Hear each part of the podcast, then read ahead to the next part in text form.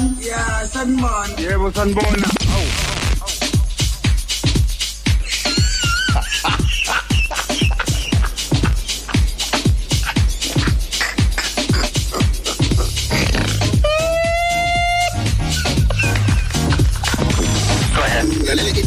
Sunday. How long is that?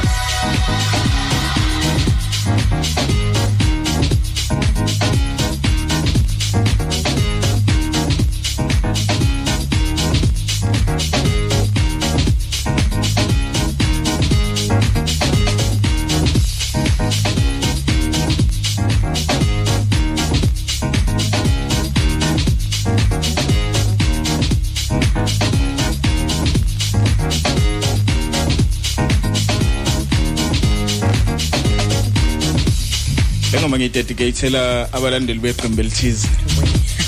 Yawe ithi break my soul. You won't break my soul. Won't break my soul. ababekezele ne? Bazoba right. Hayi sababongela bakithi ukuthi baduduze bakithi. Oh, yeah. Oh, it. Khona abantu akufanele abantu ubashaye noma belele phansi guys. Hayi Awubona ubhongo ethende angifuni umbono uzothela. iba nomusa. kancane nje ube nomusa it's 9 minutes Yeah. after 12 o'clock Beyonce break my soul. It's a remix done by uTerry Hunter. So abalandeli be Chiefs please man. Ningapheli umoya ne? Ne? Ubuyile. ningapheli umoya guys. Bambelelana entweni yenu. eh aliphela umoya. Yes. bayacula nabalandeli be Chiefs bayasho man ukuthi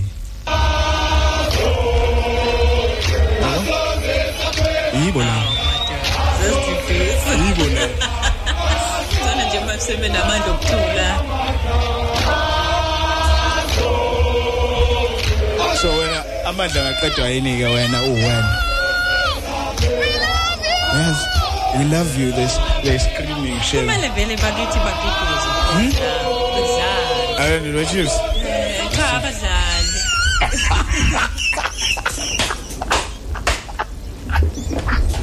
Kuphela bena lenibaduduze Nkosi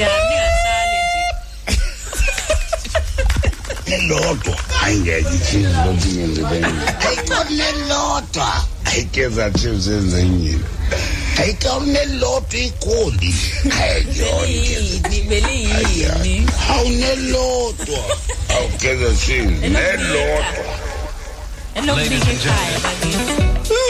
Hi guys. What a weekend it was man. Yo. congratulations to Mamelodi Sundowns for winning by 4 goals to nil. Bashai Kaizer Chiefs. Ufonile. shango phone njalo indaba. All right it's 11 minutes after 12 la ku Herikola FM umlobo wabantu. Sesikhona sesifikile. Njalo indaba. Eh bawuthi team yakhe idliwe shame. Nah we're here for you. Sorry. so kududuza we got good music for you. Eh namhlanje kusuka manje kuze kushaya u u 3 o'clock Three sendawana otherwise how was your week besides uh, when Avelo I supported Chiefs so right ne Haya ngisupport. yeah Nje ngiyabuka nje umdlalo bakithi. support oh ngeke ngikubuze ukuthi support Ngiyab- Ngiyabuka nje umdlalo bakithi Ah. ngiyasupporta eh abawinile futhi ngiphinde nabadliwe ke inkosi yami ngithi inxese kubona. Eh yes. uthi nxa so Chiefs Eh inxese. okay Ngithi inxese no- nakuba bona bengeze basho kumina ukuthi inxese. Yeah. Kodwa nje isanto lami belilihle ezakhele. wenze wenze how was your week what did you get up to Ah, a- angenzanga lutho. Angiyanga ndawo bengilonge ngikhona but eh, akho lutho lobengakhala ngako ngithi mhlawumbe sekwenzeke okubi cha. Konke Yeah. nje kuhambe kahle yes. All right now my week was good uh, ngeke ngize ngikhalaze ngeke ngicomplain uh, but nje ah shame Nezola Kali.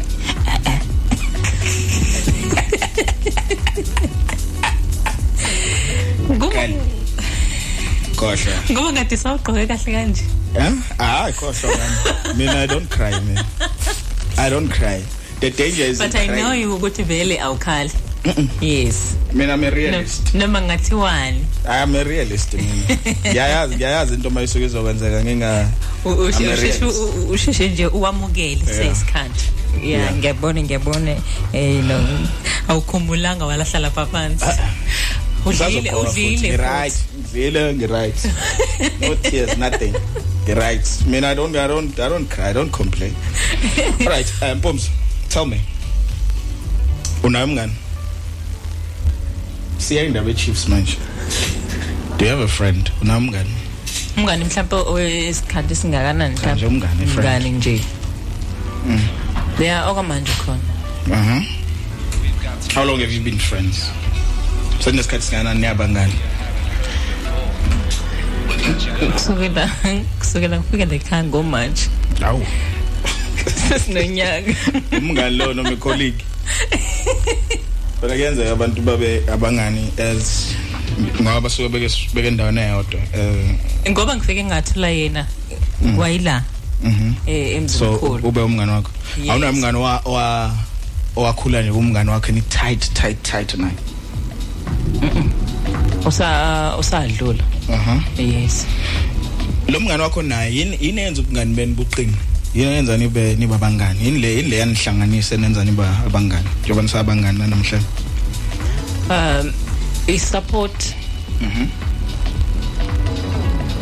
like eh, ebo umngani umngani mamtshela ukuthi awunayo into noma mhlambe awunako ukudla Yeah. awunayo imali. Noma understandayo. Yes so understandayo. okuzwelayo eh Az- aziphendule. yes ongalindi futhi ukuthi uzumcele into. Uvele umbone ngoba sekuthengile sekunikeza into. Okay. That's nice. Yeah. all right. So khuluma ngaloko namhlanje ukuthi uba ibuphi lomngani bakho osube nabo o- isikhathi eside nosebuqini obuqinile obustrong? Eh through thick and thin wena nomngani wakho yabo ube nalo mngani okuyena umuntu wokuqala omfonelayo. Omfonelayo yeah. Yabo? Ube nalo mngani okuyena wokuqala owaziyo uma unenkinga? Ukuthi obvious uma ngiya kubani Yeah. uhleli and uzongizwa. abasekho abangani abanjalo? Mm, abasekho. Because mina bengibuka bengibuka ukuthi abangani engakhula nabo uh, manje eh impilo impilo isi- isiqhelelanisile but khona lento eloku eloku isihlanganisa eh, over time. Khona lento eloku e common part kwami nabo eloku isihlanganisa and as you grow njengoba nawe usho ukuthi unabangani okhule nabo eh wana abangani othe mawusumdala sewufikile la ekhaya. Uhlangana nabo. wafika wahlangana nabo. Yeah. yabo? Eh mhlawumbe futhi mawusuya kwenye indawo yophinda futhi wakha abangani abasha. Thola abanye yes. Yabo?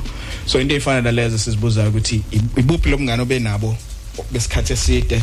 Yini lebenza buqine? Yini lenigcina nendawonye Hlezi nindawonye. sonke isikhathi. Mina abangani bami eh enginabo in most cases sahlanganiswa yilo mculo. Into ebe common phakathi kwethu nje was sharing my experiences ethu uh, when it comes to i deep house. Okay. And nanamhlanje sisatight nanamhlanje when when there's groove siyabizana siyolalela ingoma and enjoy the music. So we're united and siqiniswe umculo. Wow. Bagcina beyabafowethu gcina kuba abantu othi noma unenkinga noma kwenzakalani you call them first. yabo? Abanye babo even speak izinto ezideep njengokuthi hey mina eh, uma ibhokisi lami selehla ngifuna nidlale le ngoma. And it's a deep house song. And i'm like Yeah, family yami ngeke ivume yabo? So it's one of those things man. Umngani wakhe naye yile nihlanganisile nenze ukuthi niba bangane nanamhlanje. Yes. nibe strong and tight like that ne? All right. Terry Gola FM umlomo wabantu. Kabla hleli deep is a Sunday. Here's Kayana out to rainfalls. Harry Kwala FM.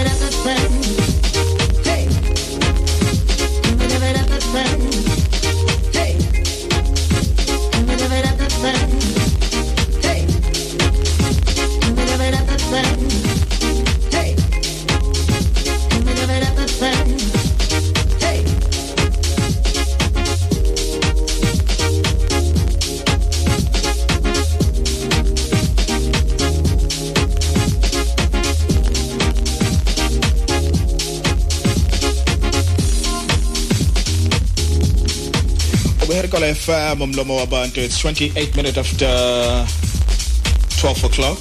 La msazwe nokuhamba phambili. It is a Sunday igama lohlelo. Eh soba nawe manje kuze kushaye ke u 3 o'clock. Ingoma esikudlalele yona ingoma emnandi ka Cayenne ethi Rainfalls or Rainfall Down by uh, Umake Colteri uh, vocal Rob and then ledlala ngemumva Uh, it's a song it's a very beautiful song it's I know you. It's a Booker T remix la umsazwa nokuhamba phambili. Sakuyona deep is a Sunday. Eh uhlelo lakho olahamba phambili njalo ngamasonto nawe uyalwazi udaba. 12 to 3 12 to 3 It's a Sunday, yes. Ithi nayo laba soba nawe manje kuze kushaye ke u3 o'clock kanti nabo ngasithinta kuyona 0607474200 0607474200 esizwe ngawe ukuthi wena imuphi lo mngane osube naye sidi isikhathi and yini egcina ubungani benu buthatha?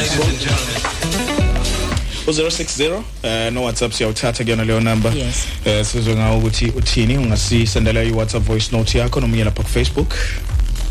Harry Kwala FM yes. Sizwe ngawo ukuthi eh wena ngabe kuthina wakho Paula Paula, and yes. so ready so ready for you. Yes we are. Yes we are ready for you. Okay. Eh uzosifanele kuyona leyo number qeda kuyisho zakhele kalokhumbula ukuthi ngengo half past 1 one.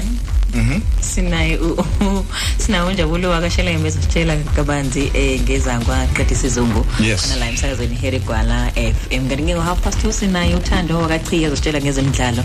Ukuthi kwenzakalani kuleli sonto noma ke kule weekend esiphuma kuyona? Asifuna ukuthi ke sikhulume kakhulu. Yeah ngikhuluma mina kakhulu. Yes. Yeah. Kodwa ke engathi uthando etha- namhlanje ku- kudlalwa ama playoffs lapha eh, enkwazela emlimandlela. Eh sizoya ku mido lapha bengumxosheni sizwe ngabo ukuthi eh bona bafuna ukuthini. angehamba kekho yini ufonile? Kamba kekho yini ufonile la sizoza eh kodwa bekufiwa kakhulu ofonile izolo. Usho kanje Eh, yeah. Bebaningi babe u3 if i'm not mistaken. Hawu. usemoyeni sabona okay sebalekile babe u3 ofonile izolo. Hawu. Manchester United showing ngo 4-0 fonile. Mhm. Manchester City yawina ngo 4-0 hawe man eh ontaba bayikhonjwa usemoyeni sabona Yebo sabo, ninjani? Waphila njani? ah sikhona ma. Habe ngimbengalela. alright kodwa moyeni nje. Hayi right mina. hayi thina Right. thina asikhonondi alright sebalekile. Thina sikhonondi ukuthi indlela ekhathazeke ngayo. Eh eh iya iyang iyangwarisha. Uthi ni right khona ah iyangwarisha indlela ekhathazeke ngayo. Eh, 0607474200 eh uline 4 angabaleki. Awu. Angathi kade balekile 4 ngeke simthole njengoba kukubi kanje. Akaleki ngabaleka asikho asikho isizathu sokubaleka phela. Unaso isizathu sokubaleka. Unaso. Yeah. izolo Isona. izolo bekuno miss essay ne Yes. bengingazi kwakwazike mina Ngi- ngibona nje inkundleni zokuxhumana abantu be bekhulumela phezulu ngendaba ka miss Eh essay khulunywe ngayo ngoba naku kuseqhonywa le yeships kwathiwa hey bakithi sike sime ngofonile. Nazi ingane la. Nabo zime. eh. Hawu sena lokunana ke indaba zafonile nabo zime. Nabo zime ngala. Nami ngase ngibona ngekalowo ndlela bakithi ukuthawu bakithi. Yeah nazi man ingane Mhm 0607474200 eh ungasithola lapha eh ku Facebook usearch u Harry Gwala FM eh ilazo sithola khona. Sizwe ukuthi wena eh ubungani osunabo. Bo besikhathi singakanani and uh, yini le enigcina ni abangani eh wena nomngani wakho. Usebenza wona hayi yanqamuka uma. Alright Angas- ungasendela ne WhatsApp voice note sizwe ukuthi eh kuthina kwakho Paula usebenza bona? Yebo. yebo ma unjani? Yaphila. Abangani bami nina. ah selokwathi inhlonje uzihlalele nathi. Ehele. ah siyabonga wemo umama ubani la Ubaba umhlongo Soyimani. na njomani Eh, mina kuphela abangani bami. ah siyabonga right ma siyabonga Yangiphileke nani. uphile nawe nibe right lapho ka Swayimano Amen. amen all right uh, sikuyona Harry Gola FM deep is a Sunday. Eh sizo checka ke mpumza ukuthi eh leka zime ihambe kanjani izolo. Eh sizothola abantu abazosihlaziyela yona abasibeke nje sithombeni so manje sabona Harry Gola FM so manje sabona all right. Kade Khona usiza. hayi. ke angisazi. Hayi. Mayisesikhuluma akusekhona ke sekuhlangene noku akusekhona ke lapho. Yeah. Alright bakhona abahleli nathi uphendile naleti umjoli? Eh udanke NMZ Clothing ukhanye khanyo boys boyile eh uskillman nosithabile chiya ubheka isikhosana philisiwe banele nyathi unonyaniso phungula. Okay thina kwethu uqhubeka nomculo masibuya ngapha so checka futhi udaba lakho Miss SA sizwe ukuthi eh basiphatheleni so phela so checka nomido eh benomxosheni basenkwezele ebhambatha Awu. emlimandleni mm. Talk ama play dlala ama playoffs lapha. Mm. Okay. ithemba ukuthi nje ungalingi ube khona for for bandani ufonili injani ndaba? Ngathi yakusaba nokulibiza leli gama Hayi. for what reason?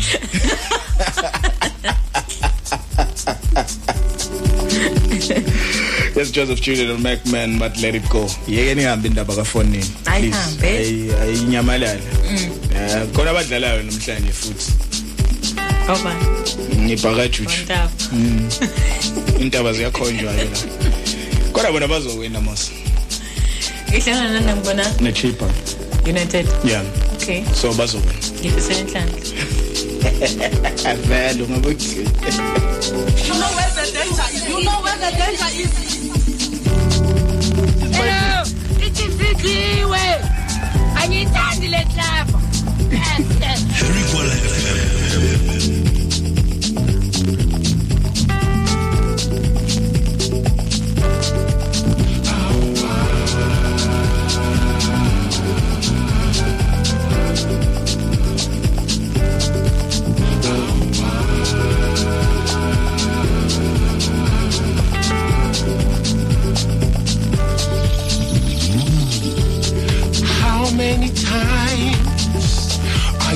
gonna keep holding on to all the pain from yesterday? Because love let you down. How many days are you gonna keep remembering all the tears from yesterday because love let you down. Free your mind, free your mind. You need to let it go. Sometimes you gotta let it go. No, you gotta let your feelings. Time moves on, just let it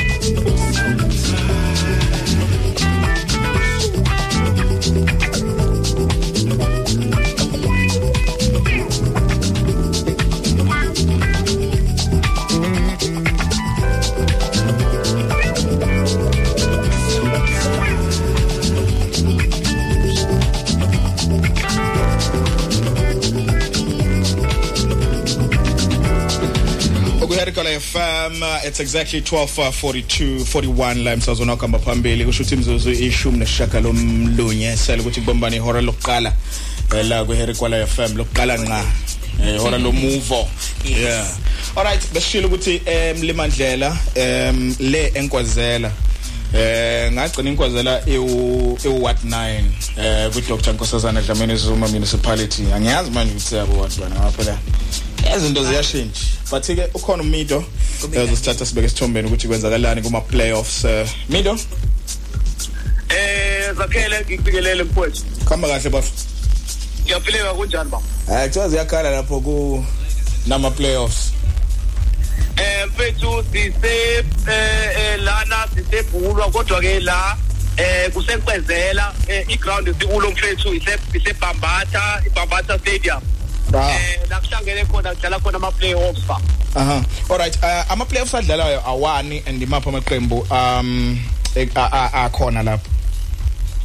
Eh kusho ukuthi lana wena eh zakhele mfethu njengade sazi ukuthi eh indawo nendawo noma mhlawumbe eh angeke ithi mhlawumbe umasipala nomasipala noma eh indawo nendawo inani ine stream sayo se league eh ka domestic so ke la la abahlangene la ama winners wama league ekade bedlala kuwo. So la sine sine team esuka lapha eCockstad kade idlala ku-stream saseCockstad bekuyi-Cockstad Waterfalls mm. e-, emele lapha i-stream saseCockstad then sibe sizoba ne-Junior Stars yona esuka emzimkhulu nekuyiyona le esithathe yasibeka la siyiherigwala FM naleli lapha ekhaya eh i-Junior Stars kade idlala kwi-league eh yasemzimkhulu yona idabuka endaweni yaseNazareth lapho emzimkhulu.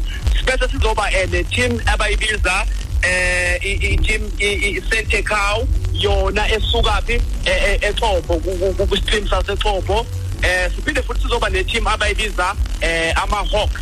Eh i-team le yama-hawks yona eh, isuka kwi-stream salapha eh ngikhohliweke yona akusasedonnybrook yes. Um isuka lapha kwistrip sasedonnybrook yiwona la maqembu ahlangene la namhlanje zakhele allright bakhona sebedlalile selokusile sekusemini phela manje. Ya akhona amaqembu asedlalile eh la wena zakhele. Mina ke ngizokunikeza ke nje la eh u- u- u- umdlalo o- o- ophuma nje manje. Ngicela ukunikeza nje la eh u- u- umxosheni ngoba ngihambi ngedwa la ngihamba nomxosheni umxosheni uzokunikeza la ama team adlala ecala eh lawa amabili kade ebhekene ebhekene ecala Le- lawa kade ewu2 phezulu ke emxosheni awubikelela abalala ekhaya. Ngibingelele abantu abababa sikhona ngempela enkundleni khona lapho. Edoni sifikile ngempela imidlalo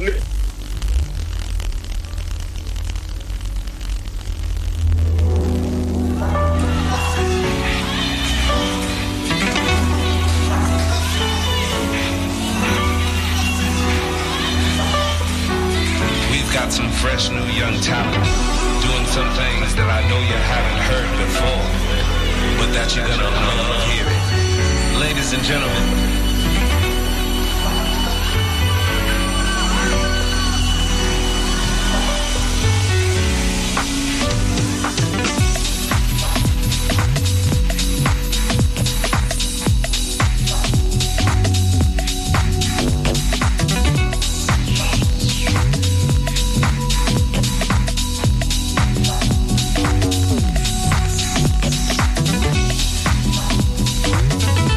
Okay, all right. Uh sithe sibe nokunqamuka lapha eh nomido benomxosheni balapha enkwezela eBhambatha eh eMlimandlela Sportfield. Mhlawumbe nami ukuthi ungakhona ngakonkwezela ungaya khona uphuthume khona uyobuka imidlalo yama playoffs. Eh, sobukela nje kubona eh masibathola ngokuhamba kwesikhathi sizwe ukuthi eh kuhamba kanjani Yes. eh eMlimandlela.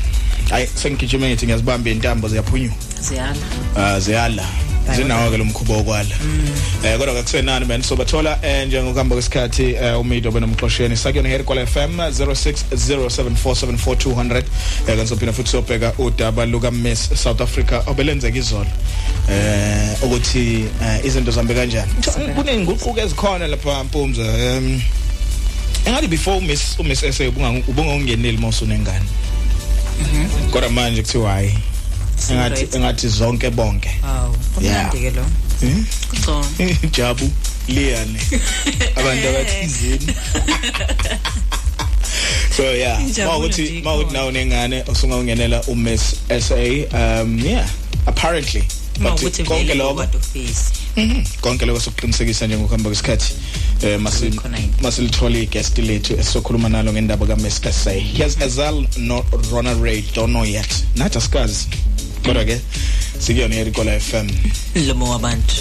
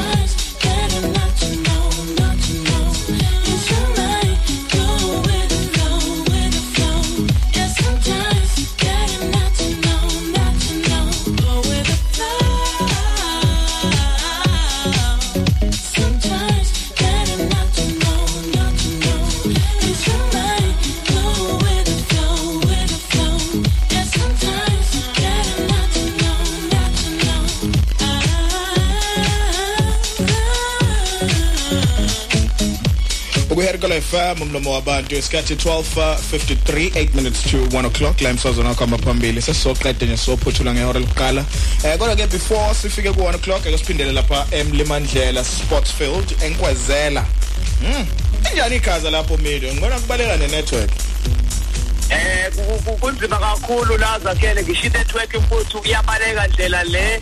Ekudlalwa ngakhona nalana eh eh, kunzima nje kakhulu impela la amaqembu azimisele ngempela futhi. Ngiyazi kahle leyo ndawo. Ayini sibheke sithombeni ngobani abadlalayo njengamanje sithini score? Nanokuthi obani sebephumelele emidlalweni nje edlale before lo odlala manje. Okay uza kuthina nje zakhele manje akukho umuntu osenkundleni kodwa ke siphuma ke emidlalweni wesibili ngoba la oqala kade kudlala la iSente Cow Legends ibhekene namahawks. yasidlula ke la iSente Cow Legends idlula ngamagoli amabili nakwamagoli eh akore lapha isizwe samsanqa umfama Jola wasefika futhi uSmith umfokabhengu waseqinisekisa ukuthi ke la lezizizwe lezi ke zeSente Cow ziyadlula wona la amahawks.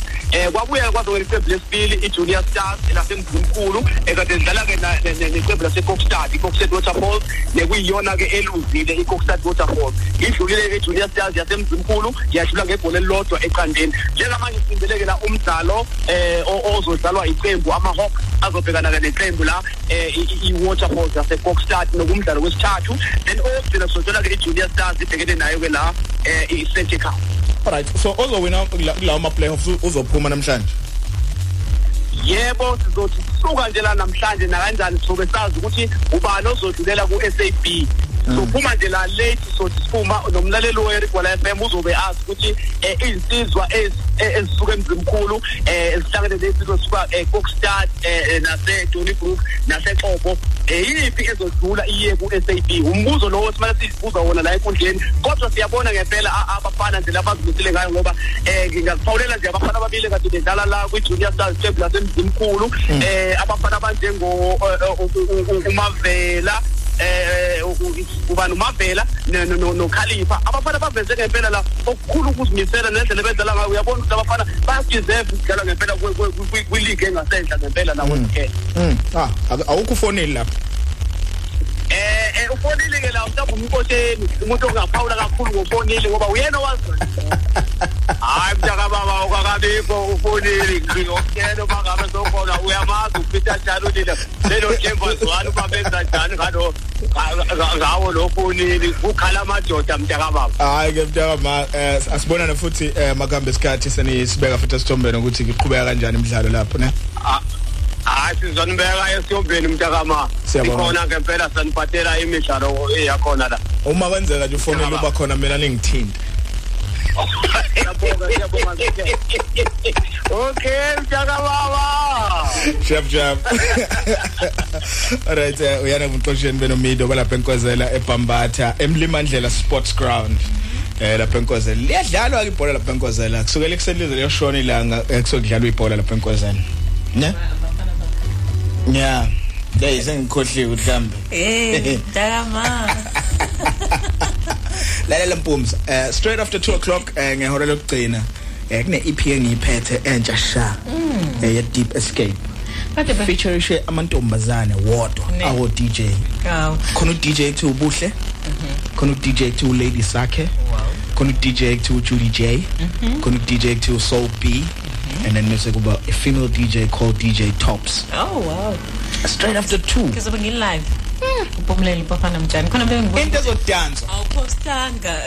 Awupostanga. Lo video jalo ukaposta sibonanga into ezodansa. Guy eh straight after 2 kuba manzi phansi. Hayi guys ngiyantshela okay? Aniko rate it's a Sin City Toyco Drift EP straight after uh, 2 o'clock. If you turn the deep house music uyazi ukuthi sihlezi phansi. kuphathele into ezi right Hawu. fresh. Njengana le ngoma le Sterling Ensemble no Sage no Stige it's called deeper. Right. Kodwa ke bangakhohlwa ukuthi namhlanje sikhuluma ngani? Sikhuluma ngabangani.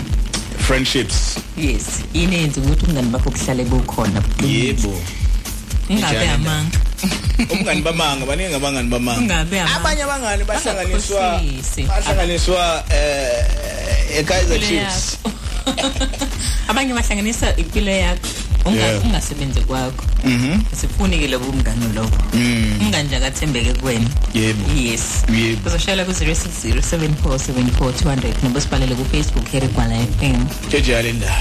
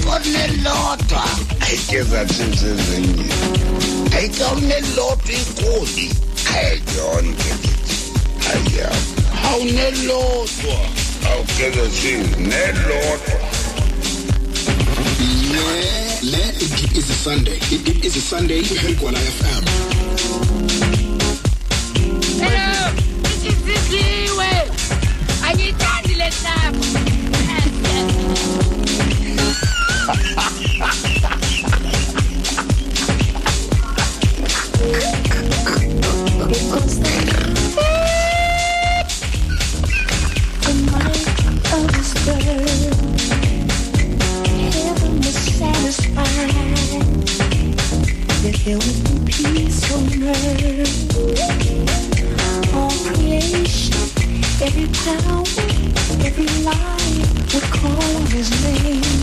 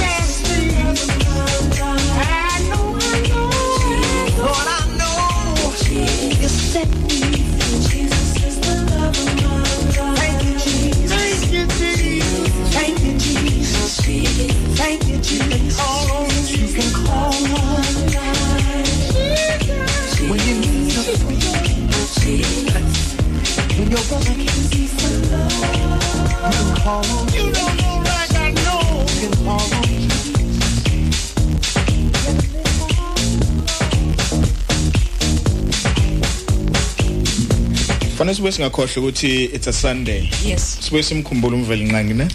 Yeah, Jesus is my refuge. Kusho uCam. Mawuthi uyamazi uCam. It's a Music Man edition Blood of Jesus remix. Before this one sikudlalele Sterling Ensemble uh, alongside uh, Stige ethi Deeper the Terry Hunter remix la ku Herkola FM. Sishilo ukuthi so checka um noma sibuze abantu abazi. Noma ukuthi yeah, must ask abantu who know the industry. Eh kukhona usithiwa kwaNcema. Sihlezi sikhuluma naye eh ngendaba zokumodela la ezenzeka la eHerikola as a district nezenzeka nje mostly eXhopo. Mm, nakuyona iHerikola but uh, umuntu oyiunderstanda kangcono into yama angifuni ukuthi beauty pageant. Yena uzochaza wena. Kuyabe beauty pageant. Umiss umiss essay ungasho ukuthi beauty pageant. Stay. Um sanibonani balaleli.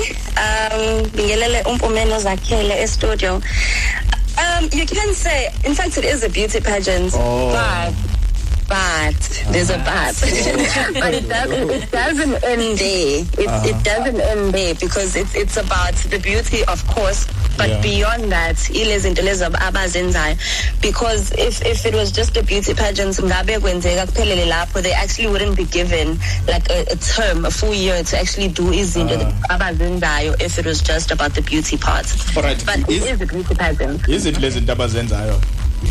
Alright, as njengoba uNdavi nokere e crowniwe izolo as u Miss SA um 2022 they are like for instance ngizothatha uzozi. Because into eseyenzile yena. Um you actually given like ama tasks are different and you actually create a foundation under your name ukuthi udile nalezo zinto lezo ezibhekana nabantu besifazane or South Africa nje um as a whole. For instance uzozi yena she took u mental health as as one of the things that she will be dealing with. So it's not just about um pageantry or else ngabe bagcina bamodele bahambe bayo- bayohlala emakhaya bangayi phesheya like and explore the whole world as a whole because they don't just end in South Africa. So there's quite a lot. And if you actually um follow pageantry you actually understand the depth ukuthi it's not just about beauty but else ngaba ama questions abawabuzwa because you don't really need the brains but it's just beyond that Also you become an ambassador of some of of, of some sort, ne? Yes, most definitely. Okay, all right. Uh, asikhulume ngo Miss SA ke olowenzeka izolo. Uh take us to ukuthi kwenzakaleni and uh, who actually eventually became our Miss South Africa.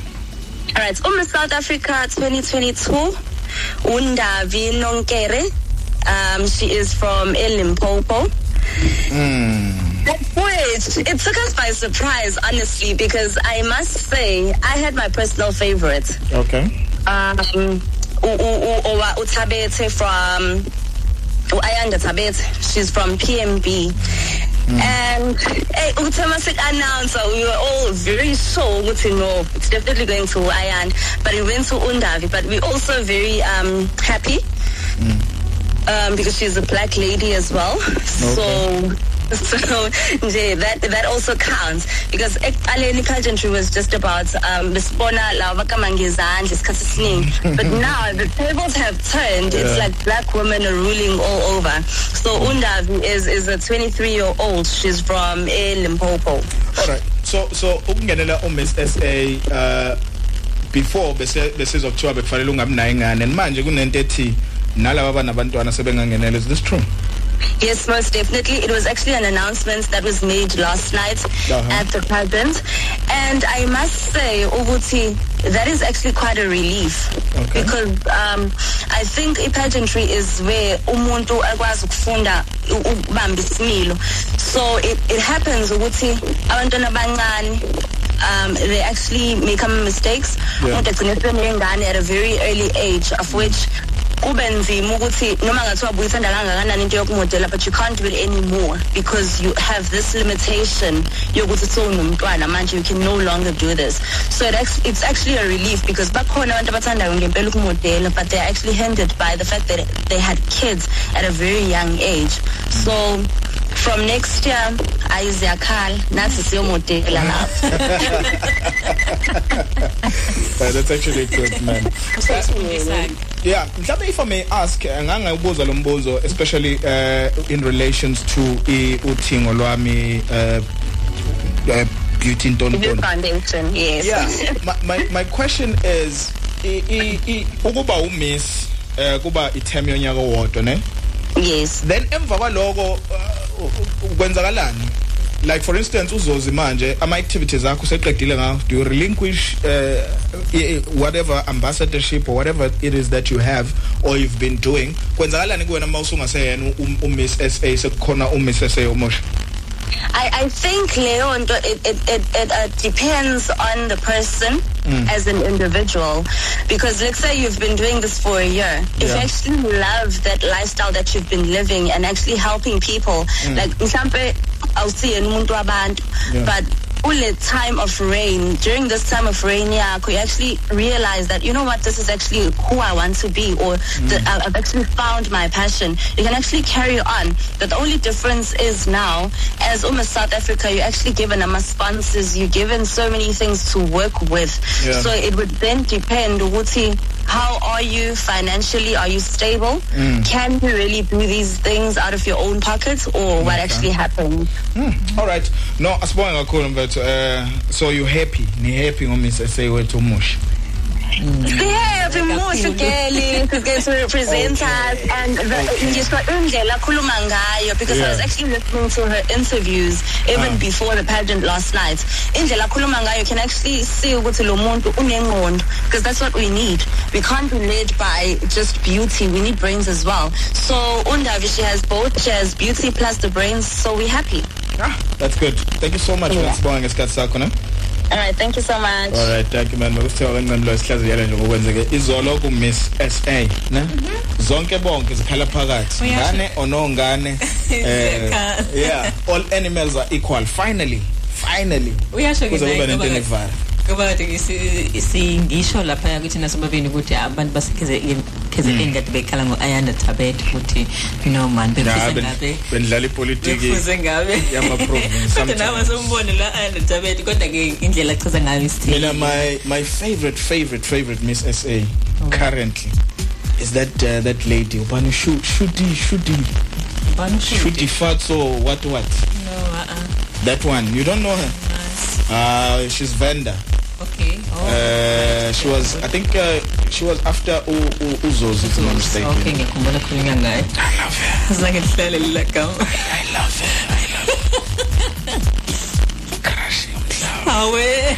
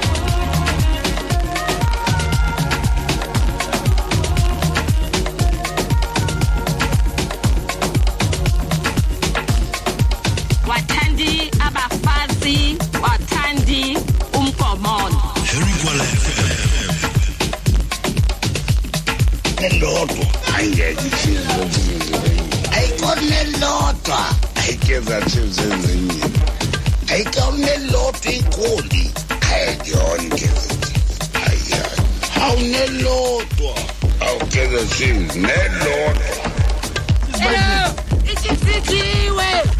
Angithandi le club. In your face, all over the place. Elikwala FM umlomo wababa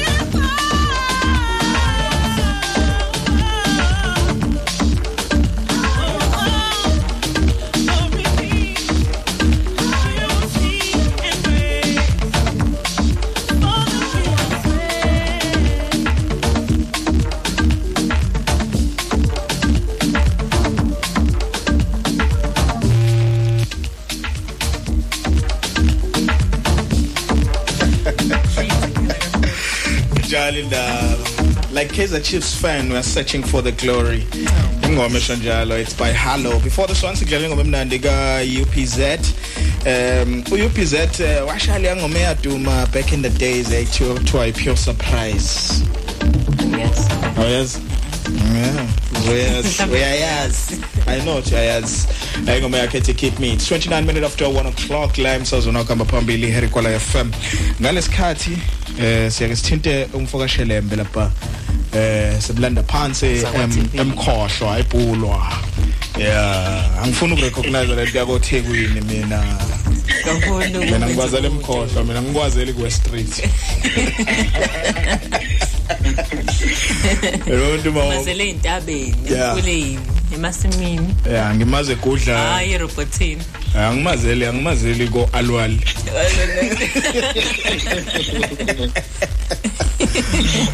yeah mina ngimaze egudla ngokwara to 8 ebheke emandla ezizwe yokhava u8 Eh, elate elate engahlohlile yeah enjalo indaba man. Otherwise bafo uh grand emfethu sothini nje mfethu? Otherwise ya ngigrand ngigrand ngigrand ngize nje iphela sonke ingaqalanga kahle ingasiphethe kahle. Ngokwebhola awukenzi kahle ngiyababaleka lalela ngifike Chiefs ngithi ngiyakwi-Royal AS lapho zakhala nakhona sakhala nakhona ngathi jesu ngakutshela ngakutshela ngathi yekubalekekini ngoba nakubona kamakhelwane kukuhle? Awuzazi inkinga ngaphakathi. awuzazi. Otherwise uh, last week uh, sakhuluma uh, ngodaba esalishiya phakathi sathi soliqedela namhlanje ukuthi ngabe lento yama royal ecishe ngizothi ama royalties eh icishe lesebenza ku music industry ukuthi ingoma yakho nje make yadlalwa noma athiwe kuphi eh khona inkeshezana ezangakuwena. Sasichecka ukuthi ngabe ngabe leyo principle iya apply yini eh la kwe kweza kaqedwe isizungu lezi zamabona kude ngoba sinokubona ama shows enziwa kudala kade kudlala umzini wensizwa neensukwini. Eh abalengisi bakhona abaningi sebadlule emhlabeni abanye basakhona. Eh i generations idlalwa iflightwa all over even nase Africa eh ngabe labalingisa ababelingisa kule midlalo kukhona yini okusa benefit abakutholayo? Ngaloku kuloku kuphindela lokuphindwa kuphindwa lama shows adlalwayo. Ngebhadi kwisikubile manje. Se ah, okay. Akunabantu abahamba phambili nabe behola lo mkhankaso lo wokuthi nathi as ama-actors kumbe abalingisi kakhulukazi kumabonakude bagcine bekwazile ukuthi bathole amalungelo abo aphelele kumbe bakwazi ukukhululeka. Um khona le ibill ekuthiwa yi-performance amendment bill ekuyiyona-ke eyathathwa yathunyelwa omama olapha umambani lo ngiyamkhohlwa. Okay ngiyakhohlwa nje igama lakhe kodwa siyamazi kakhulu oh, umama uFlo Masebe uyena kade ehola kakhulu lo mkhankaso sebebuya ngisho eParliament yafika yadraftwa yahlanganiswa le bill yabe seyibekwa edeskini likababa umongameli ngicabanga ukuthi sihlale kulelo desk from na 2019 akakaza azikhathazi ngokuyisayina siya understanda ukuthi bakhona abayi-opposayo ukuthi bayageyina ngokuthi ku anganuyazi ukuthi uma kuwukuthi i-ground i-ground aliqondile kusho ukuthi i-system isuke ifavor abathize. Labo-ke kuwukuthi iyabafavor-ke i-system benza sure ukuthi bayam-influence umongameli ukuthi angayisayini le bill. Nokuwukuthi sihleli ngicabanga ukuthi sihlale for more than three years edeskini lakhe engakhulumi lutho. Mhla yasayinwa-ke leyo leyo bill lokho kuyokhulula ama-actors noma ama-artist wethu ukuthi akwazi ukuthi mhlambe athola ama-credits into i-credit ukuthi mhlambe aye esitolo uma kafuna ukuthenga imoto akwazi ukuthi ayithole ngesikweleti mhlawumbe lokho kuyomsiza ukuthi okay Mm. No ngaqhubeka mfethu. Ngingena. okay ziningi izinto nje kakhulukazi ukuthi lokho kungabasiza ukuthi bakhululeke financially phinde kubasize ukuthi bakwazi ukuplana iy'mpilo zabo nje you can just plan ahead ukuthi okay mm, mm, let's say usungaqala manje uplanela uDecember because uyazi ukuthi kuzoba ne-income ezongena until December bangakwazi ukuthi babeke imali for ama-retirements mhlambe for i-pension uma kuwukuthi sebezimisele ngokuthi mhlambe let's say usuku uma 50s wakho usho ukuthi okay ngifuna ukuretire mhlawumbe at the age of 55 at the age of 60 then ngibe nempilo after then. Bangakwazi ukuthi baphinde bathi noma sekuwukuthi mhlawumbe bayadlula emhlabeni imindeni yabo iqhubeke iphile ngenxa yegama labo. Kuke wayiphatha-ke indaba yokuthi kunama-shows asadala. Uzokhumbula ukuthi u-sabc wadayisela u-multi-choice amalungelo ukuthi ku- kuflightwe ama-shows amadala. Ngicabanga ukuthi kune-channel ethiwe amco or emco yes la kudlalwa khona nje abalingisi abadala. Kunabalingisi abashona bengenalo ngisho isente abanjengo-rain nhlokwana wayaziwa ngovelaphi omam gloria mutawa abo-defnis hlomuka but imindeni yabo ayitholi lutho ngokuvela kwabo every single day. Khona manje ngo-2022 ama-shows abo ayadlala kodwa ababhenefithi lutho ngenxa yokuthi-ke ayi kakasayinwa-ke le le bill evumela ukuthi basizwe. Akhona-ke iy'nhlangano enjengalabo susfed abo-swift abazamayo nabo ukuchibiyela imithetho ethize ukuvikela amalungelo ama-actors. Kodwa-ke i don't think benza enough. Uzokhumbula ukuthi kuney'nhlangano la e-south africa ezinjenganabo-afriforum o-afriforum bachibiyela umthetho ngamunye ngamunye and benza amadoda athize angalali ebusuku ngenxa yokuthi siyayifila i-presence yabo. Okwenza ukuthi mina ngingathandi ngingakujabuleli umsebenzi owenziwa abo susfed because abantu abazi ngabo because they're not doing enough.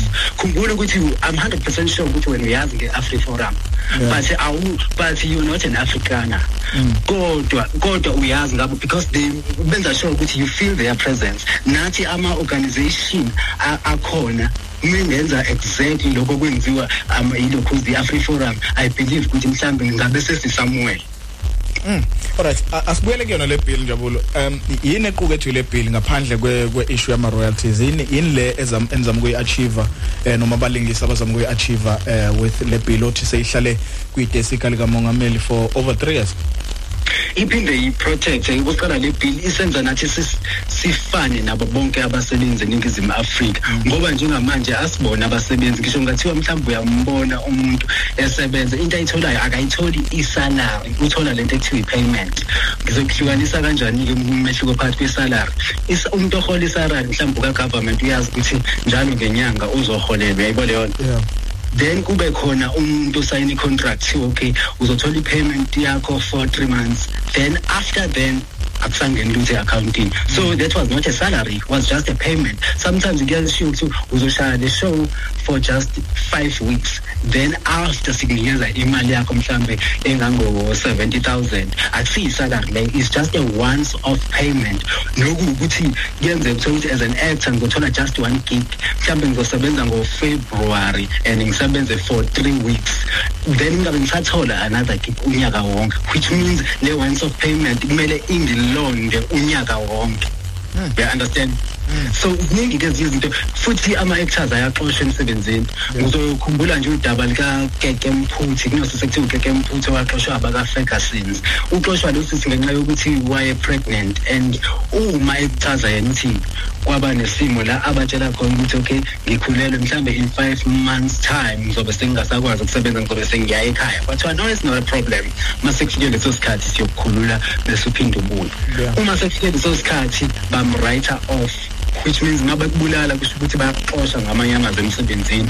But but i-problem ukuthi uma uxoshwa awukwazi ukuya ndawo because e-ccma awuthathwa njengomsebenzi wena awuyena umsebenzi because i-contract oyisayinayo ikubiza as a contractor or a freelancer which means vele kahle hle awukashiwe lapho usuke usebenza khona. Yayibo leyo nto? Yizona zonke lezi zinto ezibhekene nama-actors ethu abanye bayashona emsebenzini like u-odwa shrine mhlawumbe uzoyikhumbula indaba ka-odwa shrine one of the actors owashona on set kushuthwa but udaba lakhe kwa- kwaba sengathi lizokhulunywa kwaba sengathi kuzoba nendlela yokuthi ama-actors acompensate ngandlela thize uma eshonele emsebenzini noma eshone during i-project. Kube nendlela thize thina sisebenza umsebenzi okuwukuthi ungathi u-actor namhlanje washona ngakusasa usureplaciwe sekuya impilo isiyaqhubeka iyafana kuyiwa phambili. Ziningi inkinga abalingisi ababhekene nazo. Siyasibona futhi nawe sesikhathi uthola ukuthi umuntu kade elingisa eh, edla i-role idlala unjabulo kuyasa kusasa. Same character kodwa i-role seyidlala uzakhele. Yes yes yizo zonke lezi zinto lezi uthola ukuthi i-actor ma ukuthi ayisaneme vele kuthiwa ayikho inkinga. Somthola omunye who's willing ngayo leyo nto. Wena mhlawumbe uma ukuthi ukhaliswa imali kuthiwa okay it's fine.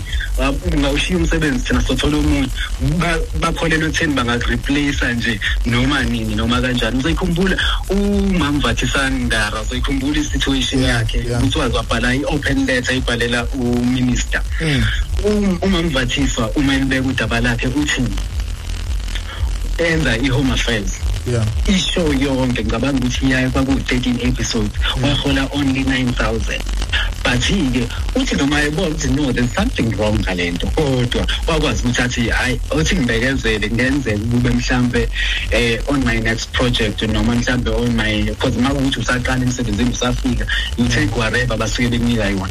But ukuthe manje nje recently i think beku-2019 uma kuvela ukuthi ushiye umsebenzi laphaya um kade kuzoshutshwa ishow kwathi ama-producers afuna ukum-offerisha u-hundred um i mean thousand.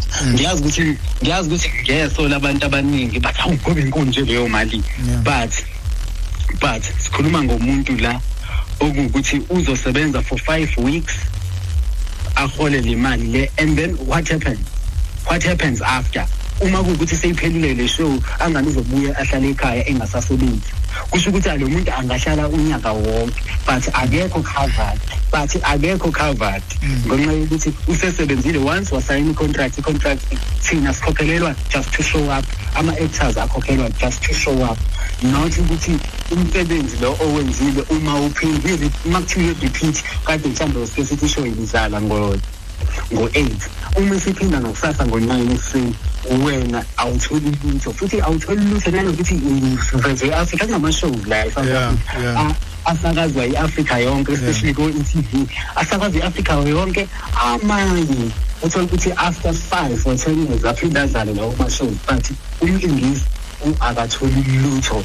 Ukukhombisa ukuthi um ukhombisa ukuthi uyena osebenzile but ama-channels enza imali ngoba ayikaze iphele isoap ingazange kudlale neyodwa i-advert. Yeah. akaze kuphele ishow akaze kuphele uhlelo noma iliphi ingadlalanga i-advert kunabantu abenza imali nge- ngama-performers but ama-performers awatholi ngisho isenti iyona-ke leyo nto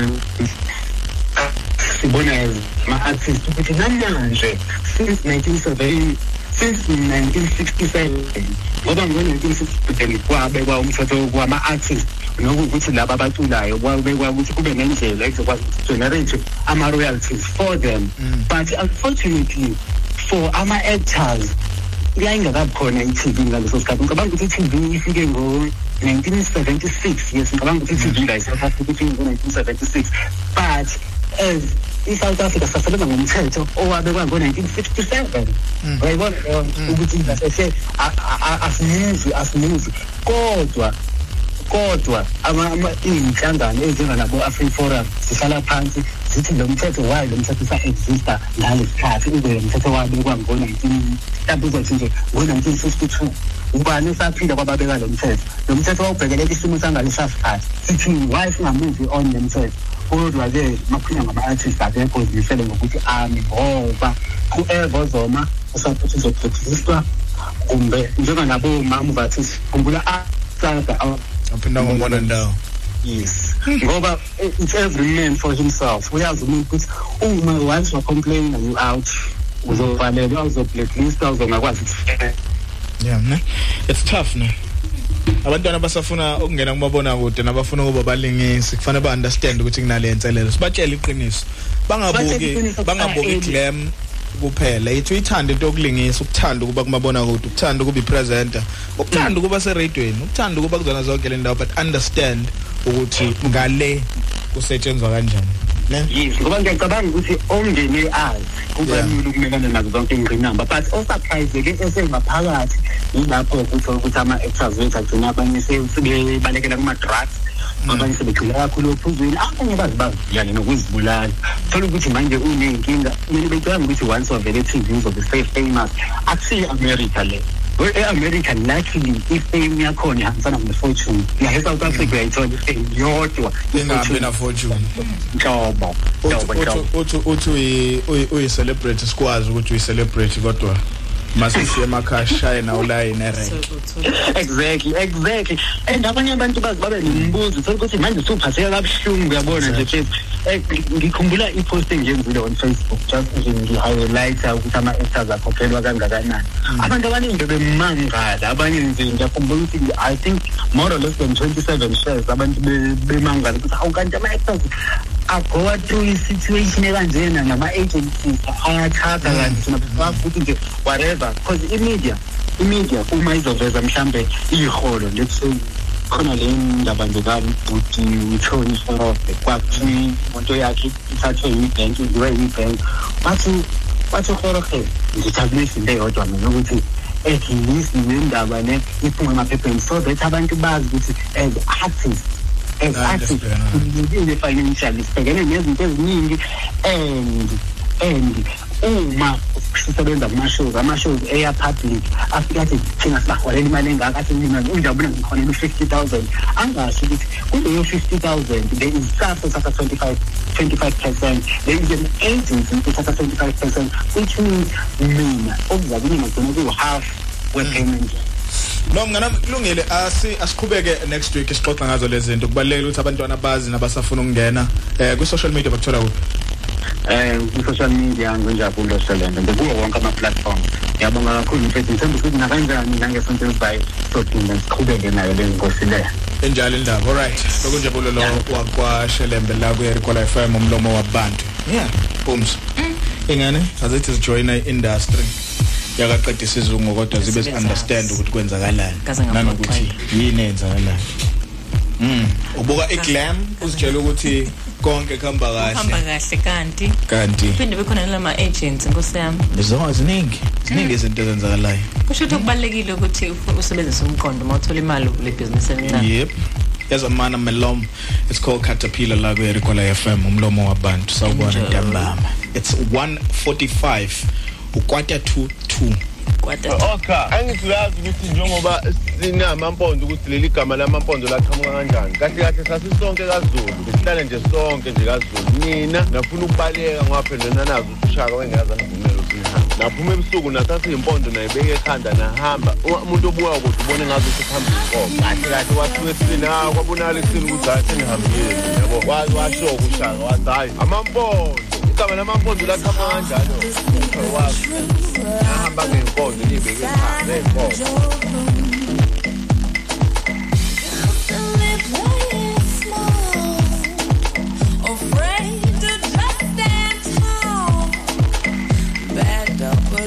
your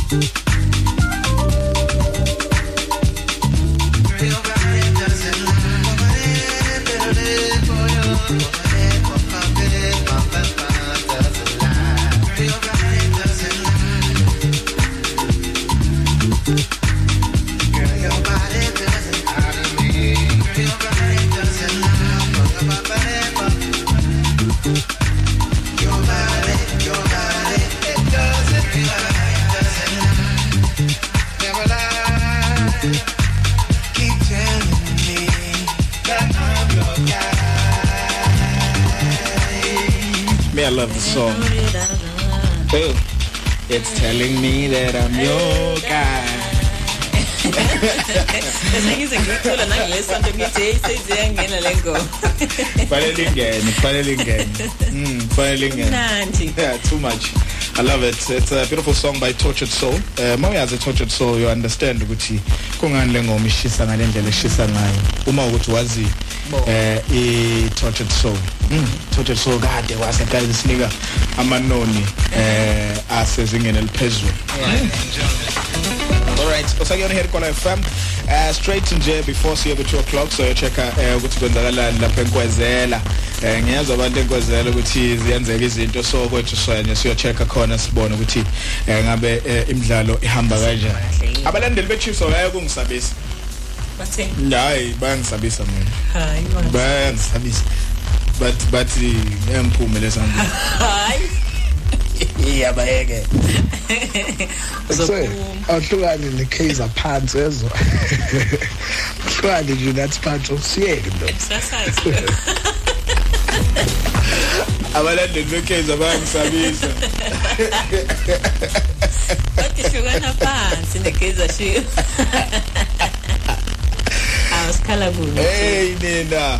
Hey nina. Wanikhuza umsholozi kodwa. Ngalo leli qembu. anikhuza uzuma. Uzuma. Ngenkathi ke ngikhuluma eParliament ngangibeke ngesingisi lento lokuphaya ukhala Bangeyisi. ngathi some of you will regret. Asizwa leso singisi Zangasho ngesizulu bakithi. Ngakho nje abantu beqhubeka. lodwa hayi ngeke ichizi lokunye ngibenye ayikona lodwa. Ayikeza chizi ezinye ayikona lodwa igoli. Ayikona keza chizi awunelodwa awukeza chizi nelodwa. Noma isidlala yodwa sapothetshana. Angiyithandi le club. I want to send a message to Bobby. Kaizer Chiefs family, especially Mr. Bobby.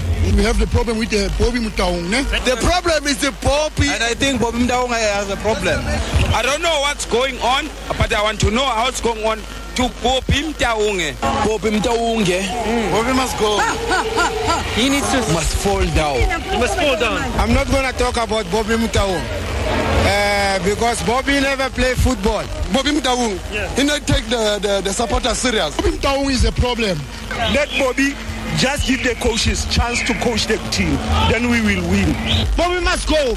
We have to to, to fire Bobby and uh, Bobby Mtaung must think about the Kaizer Chiefs. We need to do something about Bobby Mtaung. Bobby Mtaung must go. If maybe they can uh, uh, take him uh, and uh, remove him. it's about us now. As long as Bobby is coaching the team from the management side, we won't win anything. He's destroying us actually because we're coming from far man. We want Kobela back.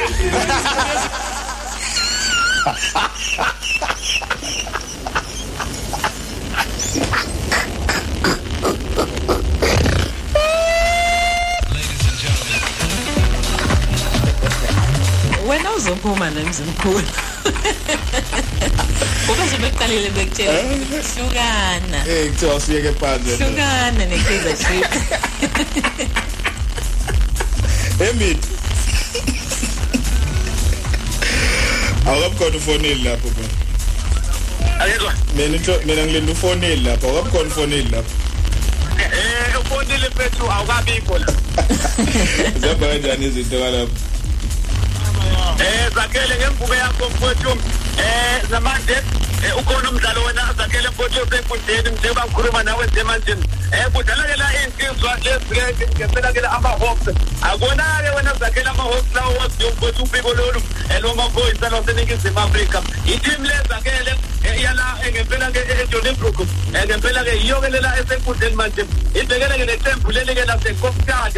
Eh ngempela ke la eh, ihamba phambili ke la lesizwa esofiko ke lo lo lo loma boys laseningizimu Afrika ama Hawks. Ahamba phambili ngegoli elilodwa. Iza ngemuva ke la ngempela yona ke la iKopstad iWaterfalls Kopstad Rangers. Eh ngempela ke igoli elilodwa e- eqandeni wena zakhe.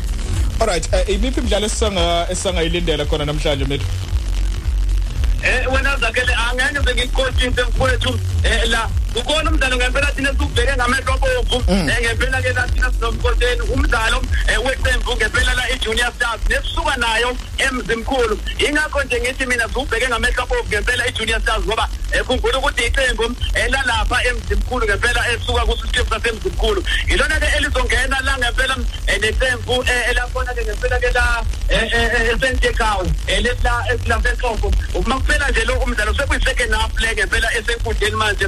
Uma ngabe uphela lo mdlalo iyangena i-junior stars yasemzimkhulu iyo ke le engithi mina sigcine ngayo sebenayo ekakhulu la sinomkosheni wezakhona yaqala ukubeza abasakazi abaphumela obala kanje bathi hayi sichemile Sicebe ngale. bacele khumbula ukuthi makudala ngempela ke iqembu laseningizimu afrika noma kudala ngempela iqembu lesifundazwe esakithi kwazulu natali siyakwazi ukuthi sisebe nangomkosheni useduze kwami uthini umxosheni njengoba demdakababa umejongo ukuthi siqemile kodwa ubonile wona awukakaveli la njengoba sikhona egwabhata iintambo zakhona zijose khona kwazondi ngibonge kakhulu ebantwini bakazondi cela nibakhiphe lapho umntakababa Alright. Siyabonga kakhulu bafethu son checka futhi nje before siphuma ohlelweni ukuthi leyo game ihambe kanjani. Mhlawumbe nisilungisele ne lineup eh yalomdlalo enicheme enichemele kuwona. Thina njenge Harry Gwala wonke amaqembu lapho awethu. Asichemile. injalo mfethu nathi sinjalo eh kodwa hlezi kukhona lokho ukuthi igazi liyakhuluma ukuthi wena uphuma ngakuphi nawe lokho uyakwazi mfethu ngisho naye izona igazi lakhe litshela ukuthi ngakuphi wena Ah kulungile Mido. Angibonge bafowethu bonke mfowethu. Shap shap. Mido wena mxosheni balapha enkwezela eBhambatha lapho sixoshelela khona umdlalo bukhoma. Mhm. Alright, remember Mpumzo ukuthi sithe eh ngo kuzothi makushaya lesikhathi siye yo checka iEP ekheshwe iDeep Escape namantombazane ashaya inamba aneningizimu Afrika. Ngwalistile eh imost yawo eh ukuthi obani lamantombazane sikhuluma ngawo uLady Sakhe ubuhle uJudy J uSoul B no Tops eh bakule EP ethi Sin City eh Toyco Drift eh ekheshwe iDeep Escape. Ingoma ezilampomza. Hayi uzozwela wena mina uthi ngithule eh ngakhuluma into eningi. Usushayela u2 o'clock beshilo ukuthi ngawu 2 so bese sikhona la itheni kuwena? Itheni kuwena? Wezwela nawe. Isona sibingelelo leso it's 3 minutes after 2 o'clock. Check EP at Deep Escape. It's Sin City Toyco Drift. Motali Deep House Music. Sesikhona singangawo. Welcome to Deep is a Sunday mdakama Yeah, le iDeep is a Sunday. iDeep is a Sunday kuHerigwala FM.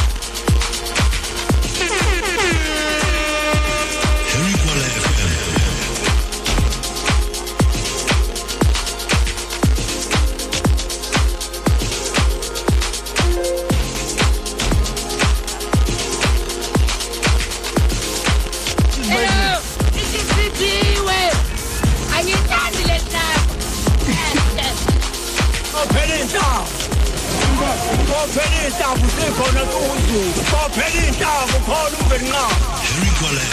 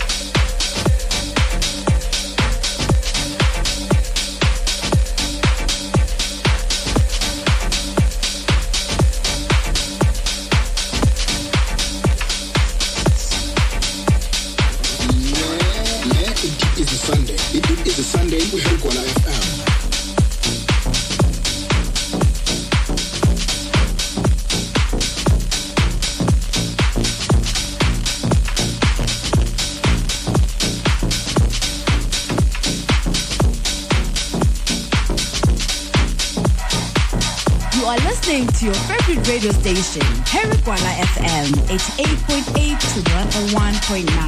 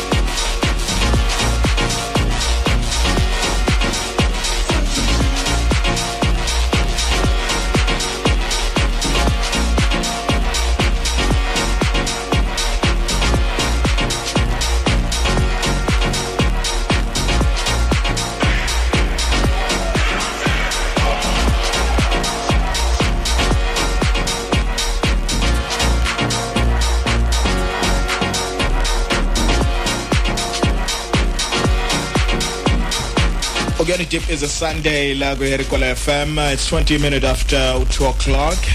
U DJ Caps uzolandela between 3 to 6 sakuyona leyo EP ekade ngikutshela ngayo eh, ya Deep Escape featuring uh, Ama Lady featuring OCC.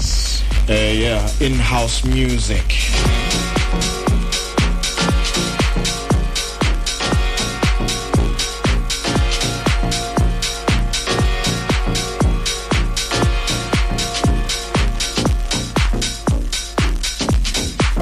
Siqhubeka nayo na kanjani sikudlalela lekusesele nje ingoma ezu2 kuyona. Inengoma ezu5 eyokuqala sikuvulele ngayo eh features uh, uJudy J 87th spell. Eh bese kuthi esibili futhi sidlalile ino DJ Tops ithi the guest kanti ledlala ngemuva eh ino lady sakhe ithi the devil. Sekusele nje ingoma ezu2 esokudlalela zona kule album eh, rather kule EP ye Deep Escape. Njalo makukhona umculo omusha noma eh, ingoma ezintsha eziphumayo eh sikwenza kube umsebenzi wethu ukuthi ke sikulandele zona sizilethe labo khona Ladies and gentlemen. Alright manje so check uFacebook wakho ukuthi wena ngabe unayo umngane senibe abangane sidi isikhathi eh nanokuthi yini le egcina umngane benu bu strong buqinile eh umngane sebu rare eh abantu bathi ebunganeni kuya kunamaqoki yeah khona amaxolo Yeah. especially amantombazana mm mm. Yeah. Yeah. Ngikubiza ngomngane obengazi kahle mina ngaphakathi ngini ngithi awusumngane wami. Ukuthi ngiyakudla eh ngifuna nje Yeah. indaba ngifuna ukwazi indaba zakho phela Nkosi yami ngaze nisoyenenzelani leyo nto. Hayi asazi uthanda indaba nje. Iba no friend ngoku ngokuse ngokusemthethweni. Alright kunesimemezelo lesilampumza engicela sidlule kusona before. Eh si ucela la ukufuniswa em ukhalipha lo wakamnqithi uthi ucela ukufuniswa umlingani wakwakheswa eh waka James owakhe eNatal eh so bangamthinta ku 0729418355 072941 8355 eh mawukuthi ke eh, uyamazi eh, umlingane wakaKheso ufuna lapho Khalipha Mnqithi eh wakwa James eh, engathi u- umlingane osakhe eNatal wakhe Natal all right le kaZulu ne? Eh eh yena eh, i think kodwa waka James ngokokuzala eh so ngicela ukuthi afu- afuniswe yena. Makuthi khona abazwayo bawuhlabe bawulawule inombolo 072 eh, 941 8355 right siye ku Facebook so check ukuthi abantu bathini. Eh ngabangani namaxoko abangani babo. All right asizwe la hothini usemenza sawubona yebo unjani siyaphila. Eh. Hayi. Umngane ngayo umngane eyabe sizwana ezingayo seven. mm Hayi. angaze nje angaze naxabana Hayi. Baba, sesibaba sewidlula. mm yini lenhlanganisana nenziwa yini ukuthi nebabangani isikhathi eside kangaka Hayi shuthi imoya yethu yatholana nje zama. Oh, ufufu- ufufunyane lenu ufufunyane lenu liyazwana right. 07 Hello? yeah ngithi Yeah. ufufunyane lenu liyazwana. Hayi yazana uvufunyane le. nazo yona into right leyo. Na- naqala nini kuba bangani? Baqala 2010. aha. Eh. hayi ke nokungcono mfethu no? Hayi sinibadala senidonseni Angizwe efonini, ngizwe radio cha alright Oh, nokulungile so so so ilungisa nangala ngakuthini Ilana ke ophepheni ke le ngikhona ke igama ubhidla walapha kadlamini ophepheni. hawu baphila abantu ophepheni Awu siphile saka awu bekunomehlo. Sila sazumehlo ophepheni Nazumehlo. Kobe njani? sesiyakwazi ke na Hayi bokuzumehlo uthweni namazi namazi nomfana othi ubhidla yonichazela. obhihle all right Eh wala ophepheni sakhelana sebheka mefa.